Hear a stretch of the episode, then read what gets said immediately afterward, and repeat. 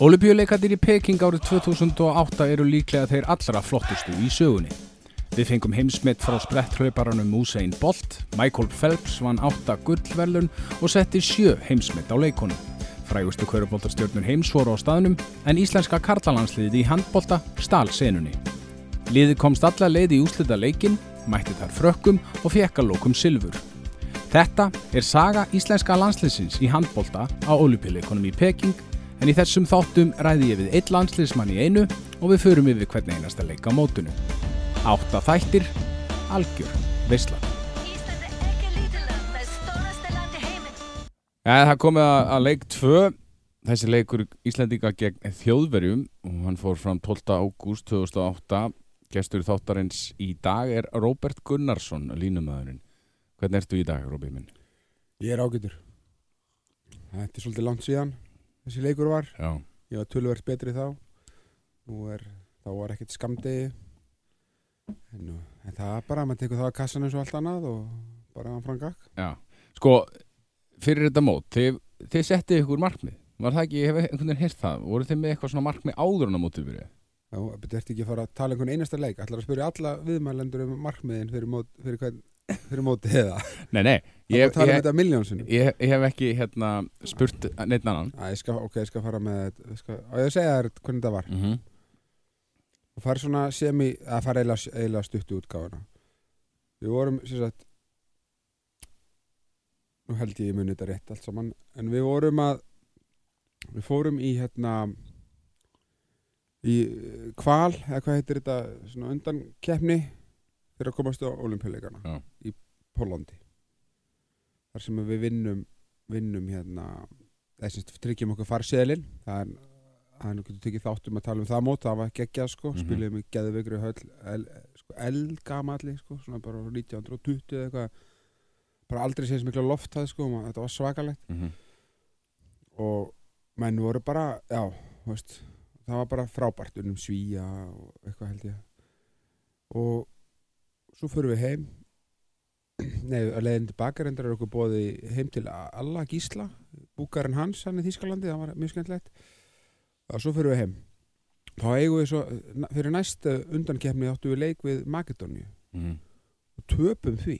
Komumst ekki inn á EM eða HM, ég man ekki hvort það var.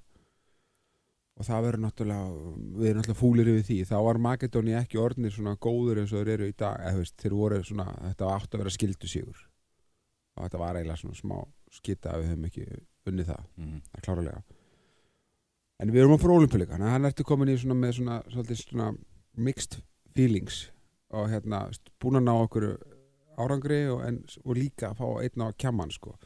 en þá var, hel, var hann hel, svaka flottur hann Óli sko. þá hérna vorum eitthvað fúlirinn í klefa og svo bara svo hann bara herrist okkar nú bara, erum við bara hægt að hugsa með þetta nú bara fókusum við á olimpíuleikan Mm -hmm. og svo kom Gummi og sagði eitthvað, þú veist, eitthvað svipa líka og, og hérna, þannig að in the end fórum við út úr klefanum nýbúnir að eiginlega skýta upp á bak eiginlega bara með kassan úti sko. og bara inn í sumafrí tveggjára sumafrí og svo mættu við og æðum alveg svakalega vel og það var svona alls konar hérna með alls konar leiki og, og stíða keppni svona innbyrðis þannig að það var myndaðist rosalega góður hópur Þe, þú er eiginlega að spyrja ykkur aðra um þetta því að þetta er aðeins lengri saga sko. Já, en já, við settum okkur markmið það var, það var spurningin já. og hérna og ég man að Óli sagði við okkur sko strákar hugsuðu medalíu áður við farið að sofa og hugsuðu medalíuna þegar við vaknið Mm -hmm. og þetta var stórt á þessum tíma það hefði við höfum aldrei unni neitt sko. Og, og hérna ekki náðu einhverjum frábærum árangri og þannig séði lengina undan okkur heldur sko. þannig að þetta var alveg, þetta er rosa djart að hugsa svona. Mm -hmm. og mjög flott. Og eina sem við vorum fúli við Óla eftir mótið er að hann glemdi að segja okkur hvaða litur áttu að vera á medalíunni. Já. Sko, og svo byrjiði móti rosalega vel og vinnir rússana en mætið síðan einnig stæðstu handbóltaþjóð bara í heiminum þjóðverjarnir eru næstir á dagskrá. Þú veist, mannst eftir hvernig leið bara fyrir þennan leik? Ég, ég ætla ekki að reyna að ljúga þér sko. þetta, þetta er náttúrulega svolítið langt síðan og hérna ég náttúrulega það var svolítið fyndið, ég horfði náttúrulega á leikinn til þess að geta nú talað eitthvað um hann Já. ég myndi náttúrulega ekkert eftir þessu leik uh, eins og reyndar flestum leikjum sem ég hef spilað en þegar ég byrjaði að horfa á hann þá náttúrulega rifjaðist þetta allt saman upp og hérna og það var alltaf svolítið sérstakt að spila við þjóðverja og það var líka alltaf sér- eða, sem sagt, það er alltaf sérstakt að spila við það lið sem að þú ert að leik eða, sagt, í því landi sem þú ert að leika. Þannig að þessum tíma er ég að spila í Þískalandi þá er alltaf svolítið sérstakt að spila við þjóðverjana og svo aftur á móti í fyrir Danmörku þá skrítast mjög danina og allt þetta sko. En þjóðverjana þetta var hel, þetta, voru, þetta var þetta var harður leikur sko. Mm -hmm. þetta var hérna já, þannig að við fyrir nú kannski í það setna en, en hérna, hvernig leiði mér? Já, þið, leiðin, þið líður bara þannig að þið langar að langar alveg ótrúlega mikið að vinna þá langar náttúrulega að vinna alla leiki en það er svona aðeins ekstra þú ert að spila í landinu. Mhm. þá langaði svona að, bara gera það. Og það sást alveg í uppbytting sástu, st- það var ég var að horfa þetta með sinni mínum sko. hann var bara, hann gerði hann, hann gerði hann reyndar ekkert um að grína mér allan leikin sko. Já. en Vist, það stóð engin kjurr í liðsöps í hérna kynningunni, ég veit ekki hvort þú tókst eftir því.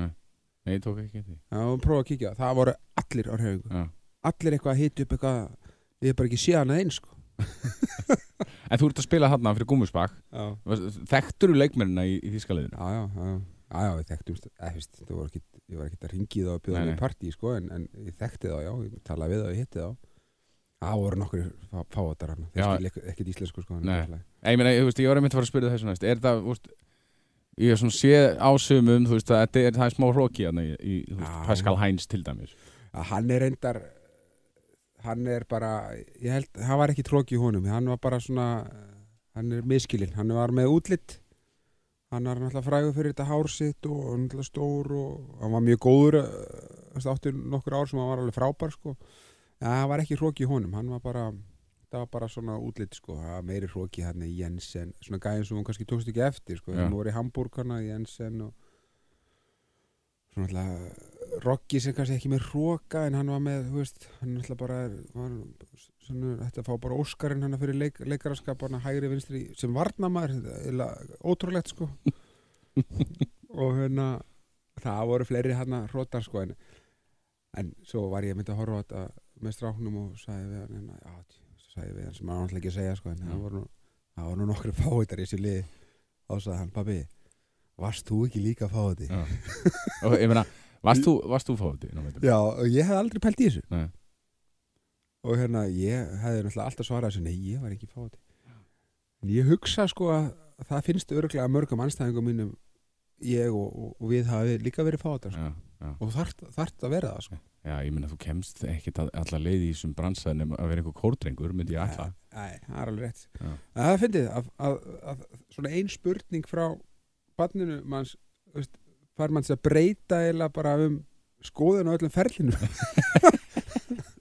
Hva, En hva, með þjóðverðuna, hvernig, hvað var svona erfiðast við þjóðverðuna? Bara svona, þú ferði yfir þessa leiki sem þið spiluðu við þý, þýskarana Já, þjóðurinn er náttúrulega, þetta var náttúrulega stórt að vinna þá að hana, sko, 2008, þannig er þeir alveg búin að vera mjög góðir og Mhm. þeir eru með, þeir eru svona veist, ok, svart svarðan enn þá á línunni hann, var, hann var náttúrulega frábær línumæður en hann var svona að vera búinn og svo var að koma upp hann að Krauts og, og hann hérna Sides og, og náttúrulega hann, hann sem vorum að tala um á hann hérna, hvað er hann náttúrulega hann, Pascal Heinz að Heinz og veist, þeir voru að koma upp með svona í bland við aðeins eldri gæja mjög, og þa- þarna var Krauts og, og þessi stráka bara, bara næstu stjörnuna sko. Mhm. og hann var líka frábær í þessum leikana Krauts sko.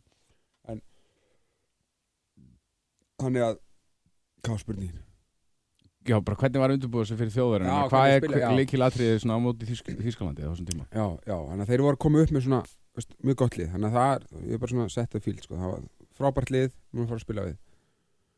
En þeir spila, sko, þeir spila mjög gróft. Mm það sást í þessum leik og ég bara, þetta voru mér sér sko góðu dómarar að dæma leikin ég ætla ekki að fara að röflegu dómarum en þetta, var að- í báða bóa að, ég, ég, þurfti ofta að stoppa bara og ég, ég sá ekki hvað þið voru að dæma á. Dæmdu mjög skrítið, leifðu mikla hörku en svo stundum ekki. En allavega, þjóðverðinni spiluðu mjög defensíft þannig að það var hérna skiljileik takk svo að fengi mig í þennan þátt ég skoraði nú ekkert mikið í þessum leik. Nei, en hérna það var heldur ekkert pláss. Þeir voru bara límtur á línunni hana og ég var bara eitthvað að djöblast að fóða til einhverjar blokkir en, en hérna eða sérst, já, blokkara fyrst rákana þetta var já, þetta var svona það var erfitt að mæta þeim alltaf. Þeir eru svona stór og þungir og mjög fysikal mjög. Já, sko þið komist hérna, þið lendi í því að- lenda 7-5 undir í fyrir álegnum þjóðröndin er kannski með svona smá tök hérna, alveg á upphásmínundunum en síðan eh, komist þið yfir um miðjan hálfleikin 11-10 og staðan er 17-14 í hálfleik þremur mörgum yfir. Hvað manstu svona, eða sástu þegar þú varst á leikin hvað fór að ganga eins betur hjá okkur svona eftir, eftir þessar fyrstu mínútur? Uh, Nei, ekkert þannig sko, þetta, þetta er svo í svona jöfnum leikjum þá detta inn hérna eitt og eitt svona veist, við stelum boltanum eða vinnum boltan í vörninni einhvern veginn og svo komum alltaf reyðar inn líka og varði, varði hana mjög vel í svona í setni, nei, fyrirháleik tekur hann nokkra bolta hana setni hérna setni hluta fyrirháleiks mm -hmm. það er ofta ekkert meira en sem þarf og þeir voru ekkert að verja hínum megin að viti sko. En hérna já, nei, þetta var kom- kom mér á óvart sko og gaman eiginlega að horfa á hérna boltan núna í dag versus þennan leik sko, hvað Mhm. þetta er sporti er búið að breytast að veist, ég heldur þetta var búið að breytast meira en það er miklu meiri harka þarna Mhm. kemst upp með miklu meir komst upp með miklu meiri fötaskap svona markmaðurinn hljóp út og, og, og, og buffaði hérna í gauja og hann fekk bara tvær mínútur. Já, já, bara raukt í dag. Já, ég bara, það mátti ekki anda á hann. Hva, ég meina, hva, þetta er, mér finnst það geggjaða punktur. Ég meina, hvað finnst þér um handbóltan í dag versus handbóltan 2008, ég meina, hvort finnst þið skemmtilega að hafa þennan gríðarlega hraða eða kannski svona aðeins miðlungshraða sem var þarna? Já, komur reynda líka óvart hvað var mikill hraði í leiknum. Uh, við vorum að kerðum alveg hygglust á þá sko og hérna, já þessu sem á okkur líka gaman svona að horfa það var svona, það er náttúrulega öðruvísi áherslur þú veist, það var svona kerf, þessi, kerfin voru, eru svona öðruvísi þarna. Mér fannst þetta reyndar sko þjóðurinni spila bara mjög svona einfaldan og skemmtilegan bolta. Ég held að myndi aldrei segja þetta því Rósa vildi ekki þjóðurum nei, en svona horfa þetta eftir á kom, veist, það var alveg meika alveg sensa sem við vorum að gera. Þetta var ekkit flókin handbolti. Ekki svo sem kannski heldur jú aðeins flóknari hjá okkur en, en ekkit eitthvað það var flókið þá þetta er náttúrulega bara þekkit allir. Uh, dómararnir veist, já þetta var rosa skrítið einhvern veginn, hvernig þeir dæmdu þú veist, það mátti jarða menn og svo var dæmt sko óluleg blokk eða sóknabrót á ekki neitt sko, þannig að þetta var svona mjög skrítið, þetta var svona góðu dómarar. Þetta voru þessum tíma mjög, eitt af bestu pörunum sko, þannig að við gætum ekki dröflaði því sko. Svo kom náttúrulega svakalega ljótt brot þarna, hann fekk náttúrulega réttilega raut sæts, já, þegar hann tók hérna snorra vinn minn og bara ég ætla náttúrulega að taka hann um hausinn sko. já, já. það er náttúrulega hann að fá bara meira en raut fyrir þetta. það var, var svakalegt þetta brot ég, búin að, ég vissi ekki að þetta verið ég var búin að gleyma, gleyma þessu broti sko. Sérst, já, það Mhm. var þetta var, þetta er eitt mesta viljaverk sem ég hef séð Já, þetta var líka skröldlegu karakter Kristján Sæts já, hann var já, ég, ég þekki hann ekki persónulega sko, aldrei, ég bara spila við hann þannig að ég að menn segja hann sé alveg fín utan, veist, það eru náttúrulega rosalega margi fáðurinn á vellinu menn eru svo aðeinsleir Já. utanvallar og það eru náttúrulega flestir þannig uh, svona, menn bara mismikli fáðurinn á vallar en hérna já en ég, veist, hann, hann gætt verið hann gætt verið mjög gróf Já.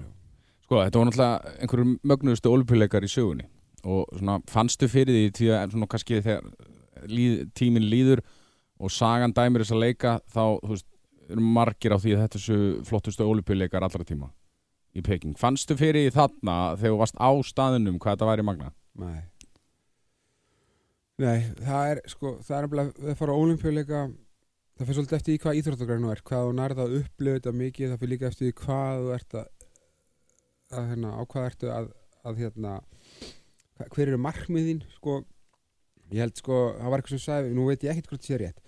En það var eitthvað sem sagði við mig að 80% af þáttakotunum á olimpíuleikunum eru svona basically amatúrar eða þú veist, áhuga, áhuga fólk er semst, er semst með, að með öðrum orðum þetta er ekki hálaunað íþróttafólk sem Mhm. að er lifir af þessu og hérna að þetta er rosalega gulrót fyrir þau að, hérna, að taka það og þetta er náttúrulega aðeinslegt að taka þátt í þessu þetta er bara flottasta sko Mm -hmm. þannig að, þannig að hérna, og svo eru þú veist, mótin þess til dæmis eins og tökum bara einhverja frálsýrhættir eða sundi eða eitthvað einstaklings íþrótt þú ertu kannski bara að keppi í 2-3 daga og svo er þetta bara búið. Sem er keppi kannski hlutur greinum en, en, en svo ertu kannski með fótboltan, handboltan, körfuna svona, sem er allt mótið. Þannig að við erum bara komnir í þannig að fyrir okkur er þetta bara eins og stórmót eins og við erum vanir. Nema bara staðstæður er alltaf þessu öðruvísi. Þannig að við erum ekkert að upplifa veist, við erum ekkert að fara eitthvað í bæin eða veist, að sjoppa á milli leikja og veist, þú ert bara í það er bara að spila annað hvert dag þú, það er bara æft á milli og það er bara það er bara rútína. Þetta er bara Groundhog Day þú veist bara í 16 daga. Komum náttúrulega viku fyrir út það minni mig þess aðalegast tímamismunum en aðstæðan var rosa flott. Það var allt hana allt rosa flott við mættum sko. Við náttúrulega tóku bara eitthvað hérna sem náttúrulega ekki fallegt en tóku hana eitthvað hverfi sem að var eh, náttúrulega ekki háþróa hverfi svona eitthvað fátæktra hverfi og bara óþurrkuðu það út Já. við fréttum það, ég veit ekki hvort það sé rétt að þeir hefðu bara hengt upp miða og hérna sagt bara að þið hafið hérna til eitthvað, ég man ekki fyrsti, fyrsta februar sem kom ykkur í burtu annars mæta, svo, svo mæta jarðitunar Já. og þannig var það bara Já. og, það, svo er bara byggt nýtt þorp Já. Þetta er náttúrulega ekki fallegt sko en, en, en þorpið var, var glæsilegt sko En, en, en það voru svona, þú veist, bara frægustu stjórnur heims á þessum olimpíuleikunum, þú veist, hittur um margar? já, eða, veist, já, svo er það líka hvað veist, hvað er fókusin er fókusin hjá þér, veist, eins og þegar ég fór fyrst fór ég til Aþenu þá var ég líka svona í kannski að ég, ég held ég er í minna hlutverki á þeim, leik, þeim leikjum sko, Mm. leikum og þá var maður svona aðeins meira upptökin af öllu. Mm það var svo gott að vera búin að fara á Aþenu ári fórum að Peking að, að þú ert búin að upplifa eitthvað. Þú veist, það er að búa til eitthvað farveg fyrir þig þannig að þú ert ekki eins upptökin að því að vera að sjá Messi eða Kobe eða eitthvað, skilur eitthvað frægan. -hmm. Sumir eru mjög upptöknir að þessu og eru að láta taka myndir að sér veist, jú, ég, veist, leik, fyrstu leikjuna var ég alveg að fullu í þessu sko, fannst þetta mjög merkilegt. Svo var ég ekkert að pæla í þessu í Peking, það var bara fókus á, á mótið Já. en maður sá það alveg í tjaldinu en var, ég var ekkert að, la- veist, ég leta bara í friði Já.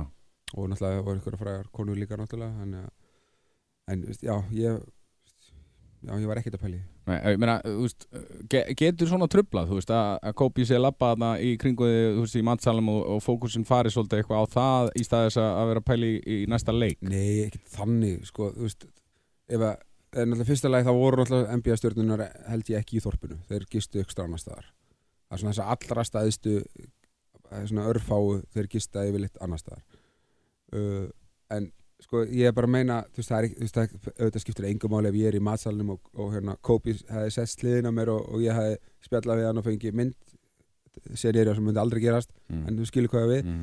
það hefði ekki breytt neinu en ef ég væri upptekinn af því allan daginn að leita af einhverjum frægum til þess að fá að mynda mér þá væri fókusum farin eitthvað annað Já. það er það sem ég er að tala um, það er munurinn það er ekkert að því að vera bara eitthvað að labba og rekast á eitthvað og, og, og fá myndi að, eða, veist, ég er bara að meina að verður ekki að leita þetta uppi Mm -hmm.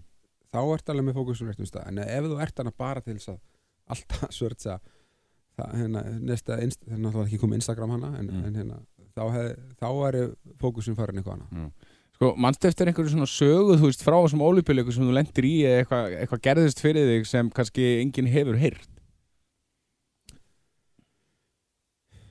Að, þú veist, það var kannski ekkert eitthvað frábæra þú veist, ég náttúrulega var mikið gert grína mér en við fórum allir og hérna, ég held að við við fórum tvísvar eða, já, held að við fengið að fara við fórum tvísvarsunum, fórum við inn í bæ eða þú gerðum eitthvað, fórum út úr þorpinu á leikunum, Mhm. mm. veist, þá var kannski leikur örgulega nýju morgunin eða eitthvað mjög snemma og þá nýtti maður þann dag sem frídag og þá fórum við hérna tvísvar, einu letum sér sem á okkur Já. og þetta er mjög óheppilegu tími þetta er 2008 þannig að þetta var alveg þegar tískan var að fara að breytast ég vissi ekki að hún var að fara að breytast tískan en hún breytist basically bara sko kortir eftir að leikarnir voru búni Já, sko. hún er svona víðar í kantinum. Já, það var ekki, veist, ég var búin að velja eitthvað svaka flott efni og frakka og allt bara, ég kefti bara, veist, ég kefti ekkert smá mikið, sko.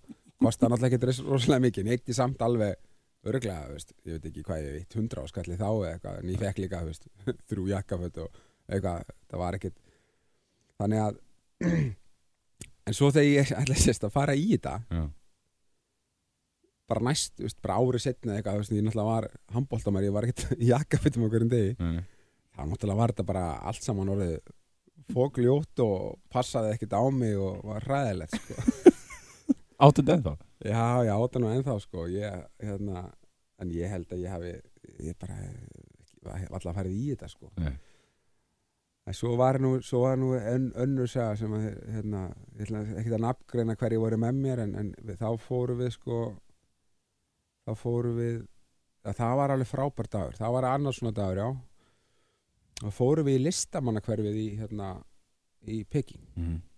Það var svaka upplifun. Vorum við hérna, vorum fjórir og fórum hérna fórum bara listasýningar og vorum eitthvað að, hérna kultu vera yfir okkur og hérna það var mjög gott, það fekk maður hérna ég held að hann tapað. Það töpuðum við einhverju leik, hvaða leik Já. töpuðum við? Þið töpuðu fyrir Suðu Kóruðu til að mynda? Já, þetta var hann, akkurat, það var vombrið það var, var morgunleikur, það ekki, klukkan jú, nýju þetta var þá. Þá förum við og hérna Ásker Öll, sett hann í slána ekki síðast skoti Já, já, ég manna ekki, ég, ég fyrir ekki kongin um allt. Hann hérna, og þá, þá fyrir við hérna í þorpið og erum að skoða og maður sér náttúrulega pottit eitthvað, eða maður örugglega keft sér einhverja hérna minnegripi. Já, En það sem að stóð svona mest upp að svo fundum við svona rooftop bar, Mm. en ekki, samt ekki svona fancy, það var bara eitthvað svona kofi sem við höfum byggt svona onan og prílaðar upp eitthvað stiga mjög brattan. Svo sátum við þar og, og fengum okkur fengum okkur ykkur að 2-3 hérna áfengislausa. Og bara svona aðeins að kúpla, kúpla út. Já, og það var alveg það er alveg líki ladrið þetta verður, þó að þetta sé geggja þá hérna að vera í þorpinu alltaf þá er þetta svolítið yfirþyrmandi alltaf að gera það sama sko. mhm. Herru, ég ætla að spyrja það aðeins út í bara svona ferilið þinn sem aðtunum var í handbólta Við hættir að tala um leikina. Já, nei, við erum bara annars að brjóta þetta upp. ah, okay. Við erum komin búið með fyrir áleikin ah, Sko, þú spilar náttúrulega fyrir fram og fylki, sé ég hérna. Á, Svo er það Orhus, Gúmisbakk, Rænekar Löfin, PSG og aftur Orhus uh, Sko, ferillin þinn byrjar svolítið einkennilega. Þú ferðið ekki bara út til Danmörkur til þess að fara með konunniðinni, ekki til Danmörkur jú, Og þú einhvern veginn bara rampar inn á æfingu hjá einhverju liði eða? Hvernig er sagan aftur? Sem þú hefur sagt mér áður en, en þetta er nú bara nokkur rétt sér ég bara þetta er náttúrulega, f- það er náttúrulega ekki eins miklar upp, mikil upplýsinga þessi, þeir úti hafa ekki eins miklar upplýsingar um leikmennina á Íslandi þá eins og núna sko, þú veist, þannig að þessum tíma var ég búinn að vera mjög góður á Íslandi og hérna, veist, var alveg komin í landslýshópin og svona, en veist, það var enginn að pæla í mér úti, sko, þannig að ég konan fer út uh, í janúar, februar ég klára sísónu með fram? Og svo segi ég bara í framárun að ég ætla að fara út bara sama hvað, ég ætla bara að elta hana út. Og ég er ekki með neitt lið sko, og það, og svo reynd, reyndu við alveg eitthvað sko. Ég rey- ég reyndi að koma mér í eitthvað lið og eina lið sem vildi fá mig var, var á sjál, eða það var í köpen. Já, og það var ekki alveg að- að að ganga upp sko því að hún var í Orhus það eru ekki nema svona þrýra og hálfu tíma á milli. Þannig að það er svona leiðilegt að pendla það sko þó sem að fólk gerir það nú þannig ég var ekki alveg til í það þannig ég sagði nei við þeim og, og sagði bara og svo flutti ég bara út og Já. var ekki með neitt lið og svo bara spyr ég Aron Kristjáns hjálpaði mér reyndar aðeins að setja mig í samband við hann eitthvað 2-3 lið og var eitthvað annað lið sem vildi líka fá mig sem var líka lengra frá en ég vildi ekki fara þangað og þannig ég sagði ég, ég verð bara henni í Orhus og ég finn bara út úr þessu Já. og ég, og ég ringdi bara í það og spurði eða hvort að Aron hafði ringt og spurði hvort ég mætti með þetta á æfingu ég bara já, hann má alveg mæta en, en við, við þurfum ekkert á línum hann að halda. Við erum nýbúnir að, nýbúnir að kaupa úlingarlandslismann já, og svo kaupa eina gamla hetju sem að hafi verið í landsliðinu og svona Orhus strákur sem var að koma tilbaka úr atvinnumennsku sem að þá 30 og tekja þryggja ég bara já, já ég var alltaf með uppfullur af sjálfströsti og ég var alveg sama, ég sagði já, já ég, ég er betur en allir þessi gæðir Já. og hérna, ég vissi ekki eins og hvernig þið lit út sko. þannig að ég fekk bara, ég mætti bara bara með skona og fekk að vera með og æfiði með mig einhverja viku eða eitthvað og, og, og þá bara buðið með samning sem ég gæti ekki hafnað. Mhm, sem að var bara því að ástæðan var ekki upphæðin heldur bara að ég vildi ekki vera nýst rannstað fekk bara einhvern hræðilegan samning sko. Eða þú veist, alla samning ég fekk bara, ég fekk bara fyrsta sísunni fekk ég bara að vera með sko. Já, ég held ég að alla fengi borgað sko Meina, en e, þetta verður ótrúlegu tími því að þið bara gerir frábæra hluti. Með svona kannski eh, hvað, mjög ungt lið, sko, eða ekki? Jú, jú, fyrsta ári var ekkert eitthvað frábært og, en ég slæði það út sko og hérna bara, ég er bara að spila bara frá fyrsta degi eða semst, bara ég spilaði alla leikina. Já, og hann meittist reynda mikið, ég var náttúrulega svolítið heppin með það, hann, hann aðalgæn sem var alveg góður sko, hann, hann meittist eða var lítið með sko og svo ár 2 og 3, þá kemur Erik Vægi kemur hann árið 2 og það, það byrjuum við svona aðeins að leggja og fáum fleiri unga stráka inn. Og þetta er svona allt stráka sem verða sem við vorum allir bara eitthvað í nobody, enginn vissi hverju vorum, við vorum allir bara eitthvað 22 eða eitthvað. Mm. og svo á þriðja árinu þá eigum við frábær sísor þá hérna fyrir við úrslutaleikin við Colling sem að voru þá svona, svona svipum status þá og, og kannski álaborgir í dag Já, svona bara langt bestir já. Og hérna það var alveg, það var mjög óvænt. Og þú, það, þú sko slæðir markamett í dönsku dildinni sem bara fjall á síðast árið þegar ekki? og með einu marki. Já, í alveg, bara Eh, eitt e- mark. ekkert sár. Já, já, það var frábært. Það var alveg bara æðislegt sísón og sama tíma er ég, fæ tekur Viggo við okkur minni mig hérna í landsliðinu. Og þar fæ ég alveg bara svakalegan spiltíma og þar gengum mér þetta sísón þá er ég líka markaðistur í hérna ykkur svona æfingamóti, ykkur Norðurlandamóti eða eitthvað, man ekki hvað heitir mm S- Supercup eða eitthvað. Já, hvað í Svíþjóð. Og þá þá svona aðeins byrja byrja einhverjir að pæli mér sko. Og svo á ég náttúrulega bara frábært sísón hana og við allir hana 2005 eða 45 Já, sko hvað leið er best sem aðtunum maður í handbólta? Mér leiði best í í Fraklandi og, og Danmarku Já, þetta er svona alltaf allt öðruvísi sko en það var alveg æðislegt að upplifa París. Það var svona mesti svona atvinnumanna fílingurinn mm bara bjóð maður bara inn í, inn í miðborg og bjóð bara í svona gömlu, gömlu gamalli blokk og í ágættir íbúð og, og, og svona og, og, og það var svona næst það sem komst næst, kemst næst í að vera í fótbolta eða vera svona atvinni fótboltamaður svona umgjörn í liðinu. Já, það farið enga flugulum í leiki og og það var mjög flottur aðbúnaður. Maður komir allir þessi peningur í Paris á þessum tíma já. Já. við komum semst, þeir kaup semst, fyrsta ári mitt og, og áskes þá eru semst, þá er fótboltinn búin að kaupa handboltan, þannig að þetta er bara sama félag. Mm og þetta er komið líka óvart hvað þetta er. Eiginlega svona, ég ætla ekki að setja sér fjölskylduklúpur en það er samt sko sama fólki að vinna fótboltamenn handboltamenn, þannig að þegar ég fyrir á, fór á fótboltaleiki þá er bara sama fólk og var að vinna á leikjunum hjá mér í Já. handboltanum að vinna fyrir fótboltan þannig að maður var farin að þekkja fólkið á báðum stöðum. Eða auðvitað báðum stöðum, þetta saman fólki þannig að, þannig að það var mjög skemmtilegt og Paris var bara, já, okkur leið rosa vel, koninni minn leið mjög vel hann krökkunum held að þeim hann ekki leiði best í, í Paris þetta er náttúrulega svolítið erftir í krakka að vera hana já, harður, harður skóli og mikill ægi og langi dagar en hérna, svo var Danmörk líka bara, það var svona öðru, það er svona meira svo að vera hérna heima, þá bara bjóð maður bara í ykkur útkörfi, ykkur húsi og nálega strönd og það var svona allt öðru þessi fílingur svona tala náttúrulega tungumáli þar náttúrulega alveg reybrennandi þannig að það var auðvildra að komast inn. Já. Þannig að þú, eh, Þýskaland er ekki alveg þinn tefóli Nei, þú veist, Þískaland var þeim tíma var þetta mjög merkilegt og skemmtilegt fyrir mig að prófa þetta, en þú verður rosalega fl- fljótt súr, sko, þetta er, svolítið, þetta er rosalegt álag í Þískalandi þetta eru hérna mikla vegalengdir. Þessi svo munurinn á Fraklandi og Þískalandi er að í Fraklandi þá bara flögstu eða fórst í hraðlest. Já, þannig að þú fannst ekkit rosalega mikið fyrir ferðalega og oft fóru við deginum áður og hérna, eða ef við fórum á leikdegi þá fóru við svo deginum eftir heim þannig að þú fórst bara á hótel eftir leik. Við spiluðum svo seint svo fórstu bara að sofa og svo vaknaru og fórst bara í lestina og varst komin heim að hátegi mm en það fórstu á út kvildur en í Þýskalandi þá kannski fórstu beint í rútu eftir leik varst að koma heim til klukkan 5-6 um morgunin döðþreyttur að þú svafst eða ekkert í rútunni -hmm. og þá þurftur þau bara, bara pakkin byrjaður. Þannig að allir sádagur eftir bara þreyttur já, þannig að það var svona svolítið, það fór kannski, kannski lengur frá fjölskyldinni í Fraklandi en þú varst alltaf feskur með þeim að meðan þú varst alltaf þreyttur í eftir útileiki sko í Þísklandi já, og já, hann er að já, ég var orðið mjög þreyttur á öllum þessum ferðalöfum í Þýskalandi það var hérna, sjö ári, sjö ári í rútu bara, veist, hver einasti útilegur næstu bara, veist, er 5 til 10 tímar sko. Já. En, hva, en, en sko, hvar, manstu hvernig þú varst bara bestur í handbólta? Hvað, svona, hvað ár?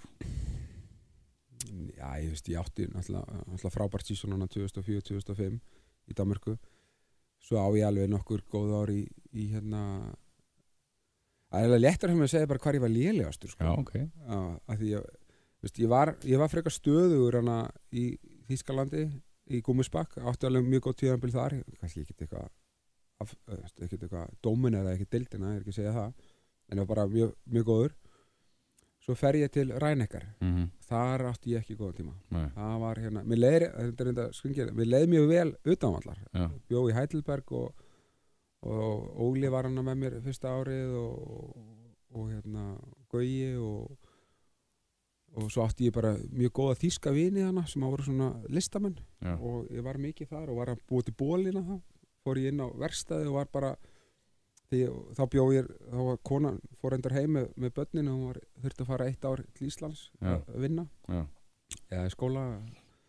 Og hérna, þá var ég bara þá var ég bara að þrykja bóli og, og hérna á vers, verstað já, það var, það var mjög skemmtilegt. En ég var rosa mikið meittur í, í, í, í hérna ræningar og, og mín mistök eftir á sem ég segi við strákana mína núna sko, strákar, ef þið eru meittir þá verðið þú veist, þú, veist, þú harkar að er eitthvað tillingaskýt sko. Já, en ef þú ert í alvörinu meittur þetta er orðið eitthvað svona farið að hrjáði í langan tíma þá verður bara að taka pásu. Já, og það voru mín mistök. Ég var alltaf að drefast í bakinu en ég tók aldrei, ég meldaði mig aldrei meittan nei, og fyrir viki ég náttúrulega bara gati ég ekki neitt og svo bara spilaði ég ekkert mikið og þegar ég spilaði var ég bara liðlugur já. Varst það bara, uh, bara með verktöflu fyrir leik og, og, og, þú sagðir, var ekki gummi gummi þjálfa þarna líka? Jú, gummi gummi var að þjálfa Jú, þetta var, já, þetta, var- þetta var mín mistök. Veist, ég átti bara, átti bara kastin hangklæðinu og, og bara ná mig góðum. Mm en nei, ég, veist, ég gæti ekki staðið upp á rúmunu hann á mótnan en þa- þannig, það eru ótrúlega margir leikmenn sem eru svona. Og, og harkan er svo mikil að þú ert alltaf hrættur um næsta samning. Eða ert meittur eða ert ekki að spila. Og þá, veist, þú vilt harka að þér -hmm. og þetta er rosalega erfið og fín lína en svona þegar ég lít tilbaka þá átti ég að segja bara þetta var eiginlega að byrja bara fyrsta sísónum minn þá átti ég að segja bara "Herri, ég er bara meittur hérna, ná mig bara góðum og koma sterkur inn sko. Já. Hvernig ég sko talaði við marga svona sem voru antvinumenni bara í, í alls konar íþróttum hvernig skrokkurinn á þér bara eftir ferilinn því að hann er eða hjá rosalega mörgum algjörlega hakkaður Já, ég var alveg, ég var alveg hakkaður sko, þegar ég hætti Já, uh, ég var líka alveg búinn í lokin sko, bara gæti ekkit lengur sko, og hérna var líka bara, já, bara átti bara mjög erfitt með að bara, veist, ég gæti ekki sparkað í, í bolta, fótbolta með krökkunum eða neitt. Ég hefði mikla ráðugjur að þessu. En ég var reyndar svolítið meðvitaður um þetta en ég æfði niður ég Mhm. hætti. En ég hætti ekki bara alveg, ég bara tók alveg tvö ár sem ég bara svona traff, trappaði mig rólega niður. Mm og ég er bara frábær í skroknum núna Já, bara, ok. ég kom, kemur mér mikið óvart Já. ég get alveg spilað fótbolta og, og, og paddle tennis og veist, ég get alveg bara já, gert allt sko en ég gat það ekki í lok þess, ég gat ekki verið með í öllu þessu dótið þannig sko. Heri, en núna erst þú farin að þjálfa sjálfur uh, einhver svona þjálfari á þínum ferli sem hafði áhrif þig, mest áhrif jákvæði jafnvel og Já. neikvæði líka sko. já, en það hafa, það hafa ég var heppinn sko ég var með mjög ég var mjög heppinn með þjálfara. Ég, hérna, ég náði að læra bara frá þeim öllum. Uh, hérna mín mistök voru að ég hefði átt að nótira meira niður. Ég var, lifði alltaf mikið í núinu. Allir að segja að mann hefur verið í núinu sem er náttúrulega mjög gott en þú þarf líka að hugsa um framtíðina og, og melta sko. Uh, mín mistök voru að ég átti að nótira miklu meira niður gott og slæmt. Uh, ég er náttúrulega rosalega heppin hérna þegar við fáum Anatoli Fettukin í fram. Já, hann gjör sannlega breytti mér alveg bara, hann tók bara skotstíli minn breytti mér algjörlega til hins, til hins góðu sko. Mm og ég fór örgla, nú er ég svona aðeins að krydda en, en ég var örgla með svona 75% nýtingu og ég fer bara í 90% já, bara skottækni hopptækni frá honum. Tók mér bara, tók mér örgla hálft ár, bara skoraði af alla mark og svo Mhm. bara, svo bara náði ég að crack the code og hérna hann, hann hafði rosalega mikil áhrif á mig og frábær kall sko, hann talaði þetta er ótrúlegt, því hann talaði lenga ensku og ég talaði ekki rúsnesku Nei. en einhvern veginn gegnum handbóltan handbólta hérna tungumáli þá komumst við gegnum þetta Mhm. svo fer ég, já, menn svo er eiginlega bara allir þessi staðir. Minna, Erik Vægi hafði náttúrulega, ég var heppin með Erik Vægi hann laði svo mikla áherslu á, á línuspil þannig að það hendaði mér náttúrulega vel. Svo kynist ég náttúrulega Alfreð í, í Þískalandi æðislegur, æðislegur kall uh, frábær þjálfari góður á og hérna mannesku hliðina líka Mhm. alveg bara reyndist mér mjög vel og frábær uh, En er Alfreð ekki svona smá Alex Ferguson í sér líka, þú veist, með svona ímyndar hann geti tekið algjör trillingskvöst líka, sko. Já, jú, já, þú veist, ég er ekki að segja að það var auðveld sko. Nei, hann er grjótharður sko. Uh, og ég fíla það og ég lærði það fljótt sko að þú ert ekkert mikið að steiki í honum sko. Þannig ef ég tók að brandara á hann veist, sem að lit hann ekki líta vel út Mm þá kannski, þú veist, held ég að ég hef unnið eitthvað sigur að þeirri æfingu en svo fekk ég heldur betur að finna fyrir því á næstu vídeofundum, þá var ég bara tekinn fyrir sko. og hérna ég, það tók mig, ég, svona, það tók mig þr- þr- þrjú fjögur skipti að, að fatta það og svo bara hætti ég að, að steiki í honum sko, því að ég vissi að það hefði ekkert gott fyrir mig Nei.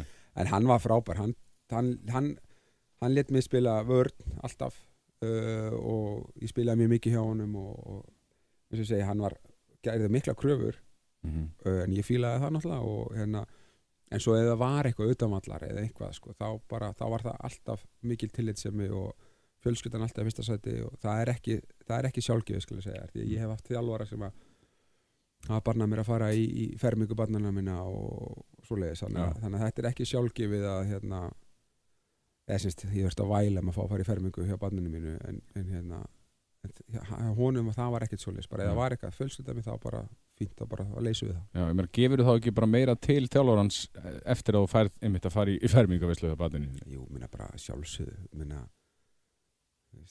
er eitthvað mikilvægari í lífinu heldur en fjölskyldan? Nei. veist, þannig að eh, ætti að segja sér sjálft. Mm en þetta er bara svolítið öðru þessi heimur og þetta er ekkert eitthvað þú, þú ringir þið ekkert svo glatt inn veikan jú, þú getur gert það en þú veist, þeir eru fljótur að pikka, pikka það upp eða þú ert hálfvitið alltaf að melda þið veikan eða nennir ekki að mæta eða mæti fullur eða eitthvað þá farið bara ekki nýja samning bara Nei. búið Já.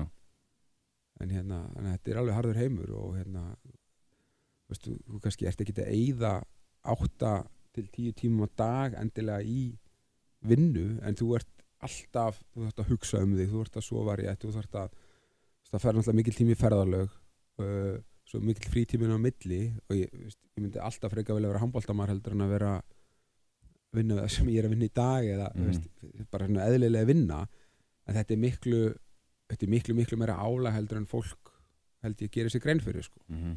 Ertu með eitthvað svona erfiðasta andstæðing sem þú mætt, svona einhvern maður sem þú bara varst að fara að spila handbóltaleg við og þú bara ekki, viðminn, góður, ég á ekki séns í hann.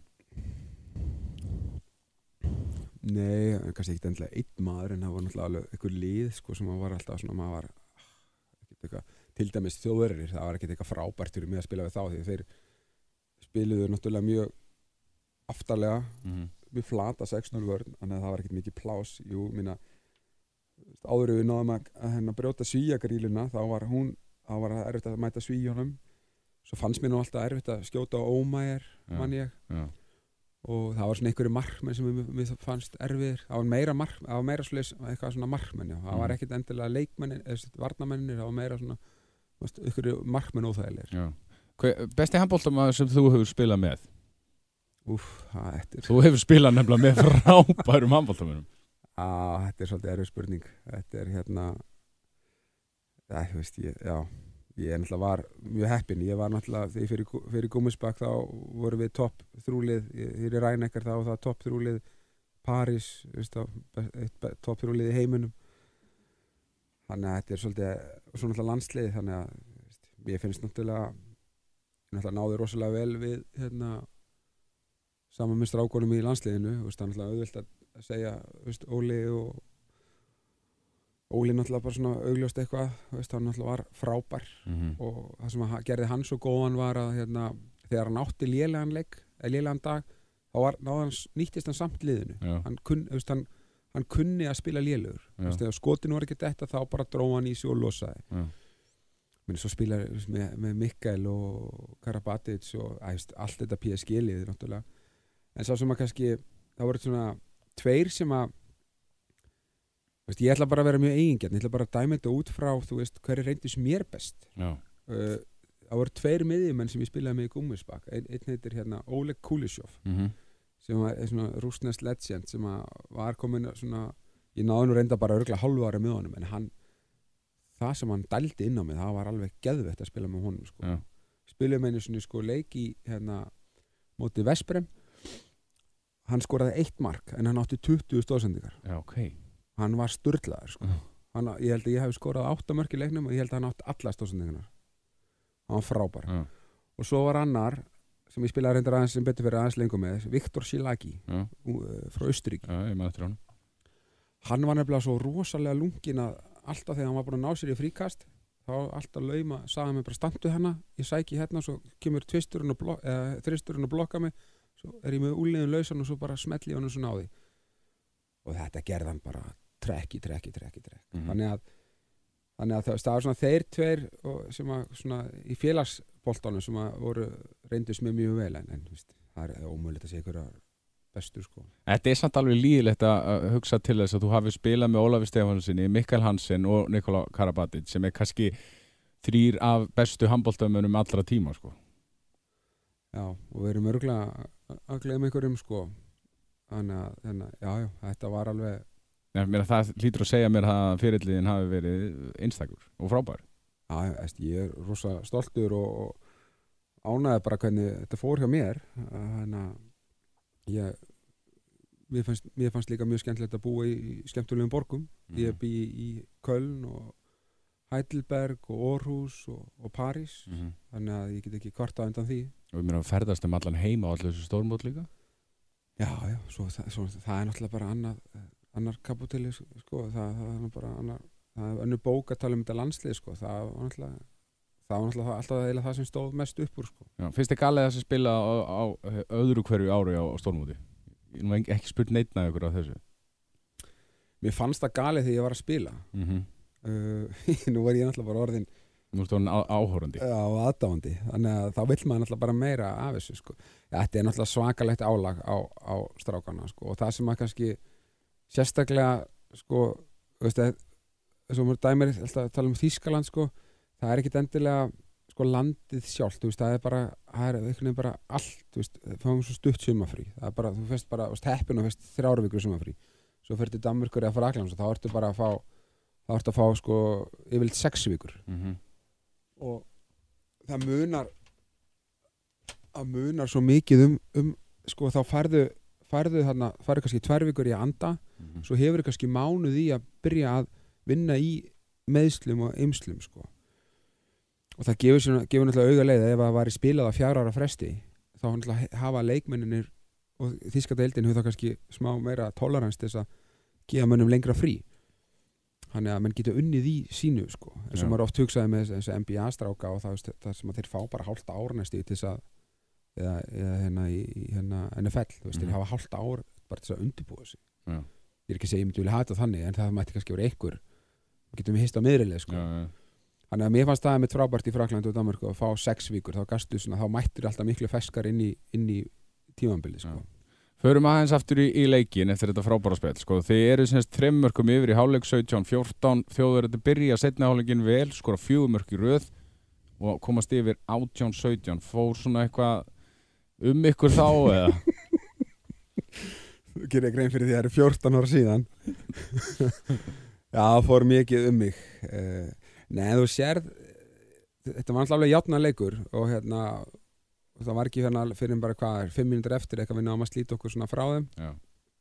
og hérna en þú sér það líka sko eða, þú veist, ég er örgulega enginn að fara að horfa á þetta en, en það var ótrúlega gaman að horfa á þetta því að það búið að tala svo mikið um að það er svo góð stemningin í hópnum og við vorum að fagna svo mikið og allir, allir rói sömu átt og alla klísjuna sko. Og veist, þegar ég hugsa tilbaka þá var upplifin minn alveg þannig. Mm -hmm. en ég, hafði, ég hef ekki hort á neitt leik. Þetta er fyrsti leikurinn sem ég horfi á síðan mótinu lauk. Það var bara þú baðst mig að horfa á hann. Uh, en það sem ég tók eftir var einmitt þetta. Við vorum sko veist, ég, ég skoraði nú bara tvö mörk í þessum leik. Ég fagnaði bara eins og heimsmystari eftir hvert einasta mark. Já, þegar og þegar ég skoraði þá fagnaði fúsa á bekknum og svo þegar Snorri eða Óli eða einhver skoruðu, Lexi eða eitthvað þá fagna, þú veist, ég fagnaði þess, við fögnuðum allir Mhm. eins og við höfum verið sjálfur að skora Mhm. og það, það var svo geðvið og það var það sem að, sem að gerða okk sem að ég held að hafa bara verið líkillin að þessum árangri Mhm. hvað hópurinn var samstiltur og kunnum að samgleiðast og voru, það var engin eigingja sér að það var frábært að vera í traðafliparna Gauji hefði alveg geta veist, það, hann áttur náttúrulega að gefa hann en, en hann hefði alveg geta reynd að þrönga sig sjálfur inn Mhm. hann bara vinnur mann, losar að leggsa og leggsi skorar bara döðafæri, bara Já. skólabókudami kann ná að gera þetta því þarna, þetta bara gerist þegar menn, mönnum líður vel og allir bara vilja virkilega vinna og er ekkert að hugsa um að þetta snýst ekki lengur um þig Mhm. þetta snýst um hópin og það eru ekki mörglið sem að ég hef verið í sem að hafa náð þessum hugsunahætti og þetta er, ef ég næ þessu sem þjálfar einhver staðar að láta menn fatta það að þetta snýst ekki um þig sjálfan heldur þetta snýst um liðið þá ertu honum frábæð þjálfari. Já. Þú líka, ég meina, e, e, e, sko, þó að þú skorir ekki en ert með eitthvað gott flæði inn í handbóltalið þá lí, lítur þú alltaf betur út sko, þó þú sért ekki með statik eitt hátt, bara liðið er alltaf að vinna ég var nákvæmlega og ég var með, með sögu hann á hann með Óle Kulisjóf 20 stóðsendingar og eitt mark Já. ég meina, þú veist, gæinn vann leikinn einmitt. en málið er bara þið blaðamenn og Við tökum reyndir eftir stóðsendingum, við getum lofa því ja, núna er það aðeins betra, já en, en, en svona henni almenni eh, bara venjulegi áhöröndin, hann sér þetta ekki Nei. þannig að, þannig að, þannig að og sérstaklega er komin út Mhm. Þá skipta bara mörkin máli. Statti skiptir máli. Já, já, og að, þannig að en veist, það er náttúrulega bjútið við landsliði sko, það er ekkert og, og, og það var náttúrulega líka sko, veist, gummið kerði bara á tíu mönnum. Mhm. það var náttúrulega ekki gaman að vera varamaður hjá gumma veist, ég uppliði það náttúrulega í rænekar það er ekki gaman að vera ekki í top 10 sko. En hérna þannig að þar, því, þá náttúrulega verður við náttúrulega þá spilar við líka miklu frjálsara því þú veist alveg þú ert ekkert að fara út af Mhm. eða það er mjög ólíklegt Mhm. en þetta var alveg, svona því ég hugsa tilbaka þetta var alveg bara geðveitt hvað við náðum að og þetta gerðist bara Mhm. Jú, Óli kom með þessa leiki hana fyrir mótið og allt það í æfingunum æfðum alveg svakalega vel og allir alveg svakalega fókusur þannig að þetta er eitthvað bara svona þú getur ekkert sem þjálfari ég get ekkert mætt núna bara á morgun og sagt við strákanu í gróttu, er nú ætlum við að gera þetta eins og 2008 farið í þessa leiki hérna Já. gerum þetta svona og svona og þá gerist þetta er, virkar ekki þannig Nei. þetta er bara eitthvað sem gerist og, og svona bara hópurinn hópnum líður vel saman Mhm. það er, það er líka bara forréttindi og, og bara hefni minna fyrir gumma er þetta bara algjör hefni að hafa fengið þennan hóp Mhm. og þessi hópur hafi þú veist, náð svona vel saman utanvallar það er, það er, veist, það er ekkert eitthvað sem að veist, það er ekki þjálfari sem getur valið svona hóp saman, þetta er bara eitthvað sem bara hefni, Mhm. gerist Sko þið endi með að vinna fjármarka sigur á, á þjóðurum þarna 33-29 og þú talar um það áðan að þið slítið ykkur svona aðeins frá þeim að undir lokin síðustu 7-8 mínútur hvað, þú erum bara að horfa á leikin aftur hvað fannst þið svona ganga vel þarna og af hverju vinnið þið leikin með fjórum? ég þeir náttúrulega lenda, það er náttúrulega annað, annað, annað atrið í þessu núna er að það náttúrulega mátti ekki taka markmannun út af Nei. Þannig að lenda veist, undirtalan var miklu þessum tve, tveggja minna brottvísinu var náttúrulega miklu dýrari veist, hún er ekki sérstaklega dýr í dag Nei. og hérna þessum, það, veist, flest liður er farin að spila það klókt að það er, er ekkert mjög mikið að mörgum í tómt markið 7-13 svo ég fá ekki að mig 10 svo leysi næsta leik en, hérna, en, en þeir fá hann að minni mig svona í, lo, í loka kapla síðustu tími þannig að lenda þeir svolítið mikið tveimum færri Mhm. og einu sinni tvisasunum Mhm. Og svo ver Björg, nei, já Björgi á komin aftur í markið hana, hann ver ykkur að tvo, þrjá, eða tvo bolta hana, Æsti, þetta, já, við stílum ykkur um boltum og við skorum, þetta er eitthvað, ég veit ekki, ég veit ekki af hverju, eða hvað gerðist, við bara, bara klísju svar, við heldum haus og við náðum svona einhvern við spilum alltaf svakalega þétta vörd líka, Já. en hún opnast á, og við vissum það alveg, hún, er mjög, mjög vilt, þetta var náttúrulega ný vörd á þeim tíma og hérna en þegar hún opnast og opnast hún illa þetta er svona svolítið eins og 3-2-1 vörd Já. en, en, en samanskapi komum við náttúrulega veg fyrir helling Mhm. og Snorri Steinn skorar áttamörk í þessum leik og bara var eiginlega fáránlegur á þessum á leikum bara í heldina hann var frábær þú veist, þú náttúrulega tengdir rosalega vel við hann meðan hvernig var að spila með Snorra hann sem leikstjórnandi hann var ekki gaman þessu leik, hann átti ekki einu sendingu á mig sko. uh, en hann, hann náttúrulega er eiginlega sko, hann var eiginlega besti línumárun okkar sko, því hann skoraði öll sín mörka að línunni sko. Já, alltaf að leysa eitthvað einn en svo var hann, átti sko, svakalegt víti sko, í svona leik. Hann, hann á bitterinn hann sko bitter er sko 2-0 eitthvað sko. Og hann tók eitt svaðalegast á haus sem ég hef séð. Já, og fastan sko bara hann svo leið skreitt hann er snorra leið mjög vel á þessu móti. Hann, hann hérna, maður sér það bara í vítunum og skotunum og hann átti eitt barbasinski hann í leiknum, ég held hann eitt klikk á ára línunni. Já. annars var hann frábær og hann hérna stjórnaði liðinu mjög vel. Og var ekkit svona eins svo hann getur nú, eða var hann nú mikill vittlisingur svona utanvallar, þá var hann mjög agaður og mjög heilstiftur atvinnumæður hérna inn á vellinum sko. Eða náttúrulega bara atvinnumæður það var mjög gott að spila veist, það var alltaf, þið leiði alltaf eins og þú var alltaf undir kontról. Mhm, og hérna, sem er mjög góður eiginleiki fyrir miðjumann að hafa. Já, þannig að hann stilti bara upp og, og var mjög góður í því. Og svo varstu bara með hann Arnór og, og Loga vinstra megin og svo varstu með Óla Lex og Ásker hægra megin og veist, þannig að það var bara það var bara visla Guðjón Valur skora sjömörk í þessum leik. Hver- sko Guðjón Valur, er þetta einn af okkar bestu handbóltamönnum bara sögunar, já, já, það hlýtur, hlýtur að vera sko þú veist alveg með hann að hann er ekki markaðist í landsleismadur í heiminum Nei, að- það var verið að slá Já, að vera að slá það. Nei, það var það Evropakefni Æ, ég veit það ekki, jú, það getur vel verið. Ég, ég fylgist ekkert með svona hlutum. Nei, ok. Ég fylgist bara með metinu mínu og svo þegar það var slegið. Já. Ég vissi nú ekki eins og ég ætti þetta met hérna, fyrir, fyrir, fyrir mig á sagt frá því. Þannig að ég ætti það en en jú, vissulega er hann, hann alltaf frábæran feril líka, þú veist, hann er búin að spila í svaka flottum liðum og, og spila með landsliðin í 100 ár og það klárt að hann er einn af okkar allra bestu er Já. alveg, alveg rétt. Þú skorað tvö eins og þú tala kom inn á. Ég var að lýsa þeim. Já, ég meina, þú ert búin að horfa á leikin Hvernig voru þessu mörg? ég, ég man reyndar ekki. Jó, fyrra marki var það ekki frákast Nei, nei, já, það var yfir já, að vippa, já, Já, frábæra vippa og setna marki var hann sprengdi hann einhverja þrjá menn sem duttu frá mér og ég fiskaði tværmyndur já og hérna, já, það var reyndar líka yfir til held ég. Uh, En, eh, sko, það en ég fekk á mig þrjá sókn, þrjú sóknabort Já, í leiknum. Já. En það, það, fóru það í töðnir og voru að horfa á þetta? Já, það var ekkert að, dómar? ekkert að þeim rétt. Nei, ok. Það var, það var mjög pyrrandi uh, ég veit alveg að ég var mjólulegur en, en hérna en þetta var einu sinni leta hann kasta hann sér aftur bara hodnamaðurinn Mm. bara, bara tvílik dífa og veitir, bara klókt í honum hann veiti, veiti, veiti mig. Ég sá mér að sko hann, Gummi var svo pyrraður að hann tók mig bara út af sko Já, skiljanlega. Þannig að ég, já, ég átti þannig að tvo, þetta var ekkert minn besti leikur. Það var alveg, þannig að ég var smá fúll að tekið mig í þennan leik. Það var ekkert ekki að gegja En sko, hérna uh, skotin þínin á línunni ég hef nú talað um þetta við áður uh, það er semst þegar þú vippar handbóltanum þá, þú, ert með einhverja taktík þú, þú, þú hangir ákveði lengi í loftinu já. og stundum vipparu eða stundum ekki og þú ert með eitthvað svona ás, ástæði fyrir þessu, ekki?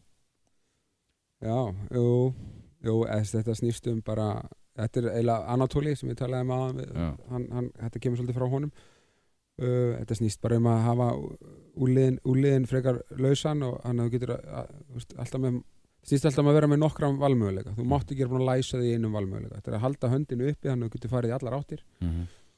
og svo þarf þetta að hafa úliðin svona flögtandi, mjög mjúkan þannig að þú getur hóta skotinu á mjöðum. Mm. en svo þarftu að koma með úliðin niður og þá getur þú samt vippa boltanum svona, en veit ekki hvernig er þetta útskýrt þetta í Já, út, útarpi en þá ferður svona niður með höndina úliðin sko, höndin þarf að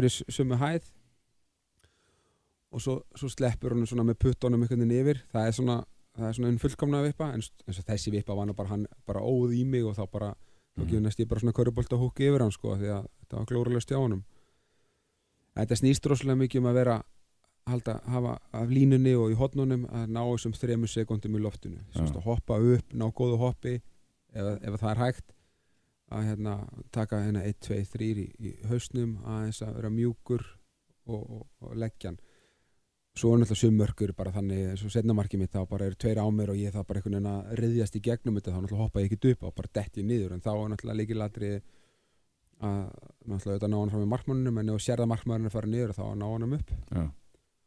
En sko, skotið þitt, fræga það sem kasta boltana bara svona af, aftur fyrir því já, sem maður sér alveg í handboltanum í dag. Já, uh, ég er ekki frá því að þú hefur bara sko eigir þetta skot í, í, í heims handboltanum sammála hvenar kemur þetta? Þetta eru eftirkvöst af, af, af markmanninum. Já, minnar, þú varst náttúrulega markmaður á Já. tíma. Í fótbolta. Já, þetta er sko oft var þetta bara svona eitthvað eitthvað svona skull, en svo er þetta alltaf bara svo, svo sko gríðarlega markagræðki mm -hmm. þeir, nú, þeir segja það nú strákanur að ég sé bara það hefur verið svo markagráðugast í liðinu. Mhm. og þú verður bara að vera það sem línumæður. Það er engin, veist, ég get ekki gefið það sjálf á mig sko, þannig að skittuna geta náttúrulega bara tekið boltan og skotið. Ég, þarf að, ég er alltaf háður þeim að þeir gefa á mig. Þannig að ég var alltaf að reyna triksi mitt var alltaf ef það kom léleg sending, eða ég greip hann ekki ég tók þetta alltaf á mig.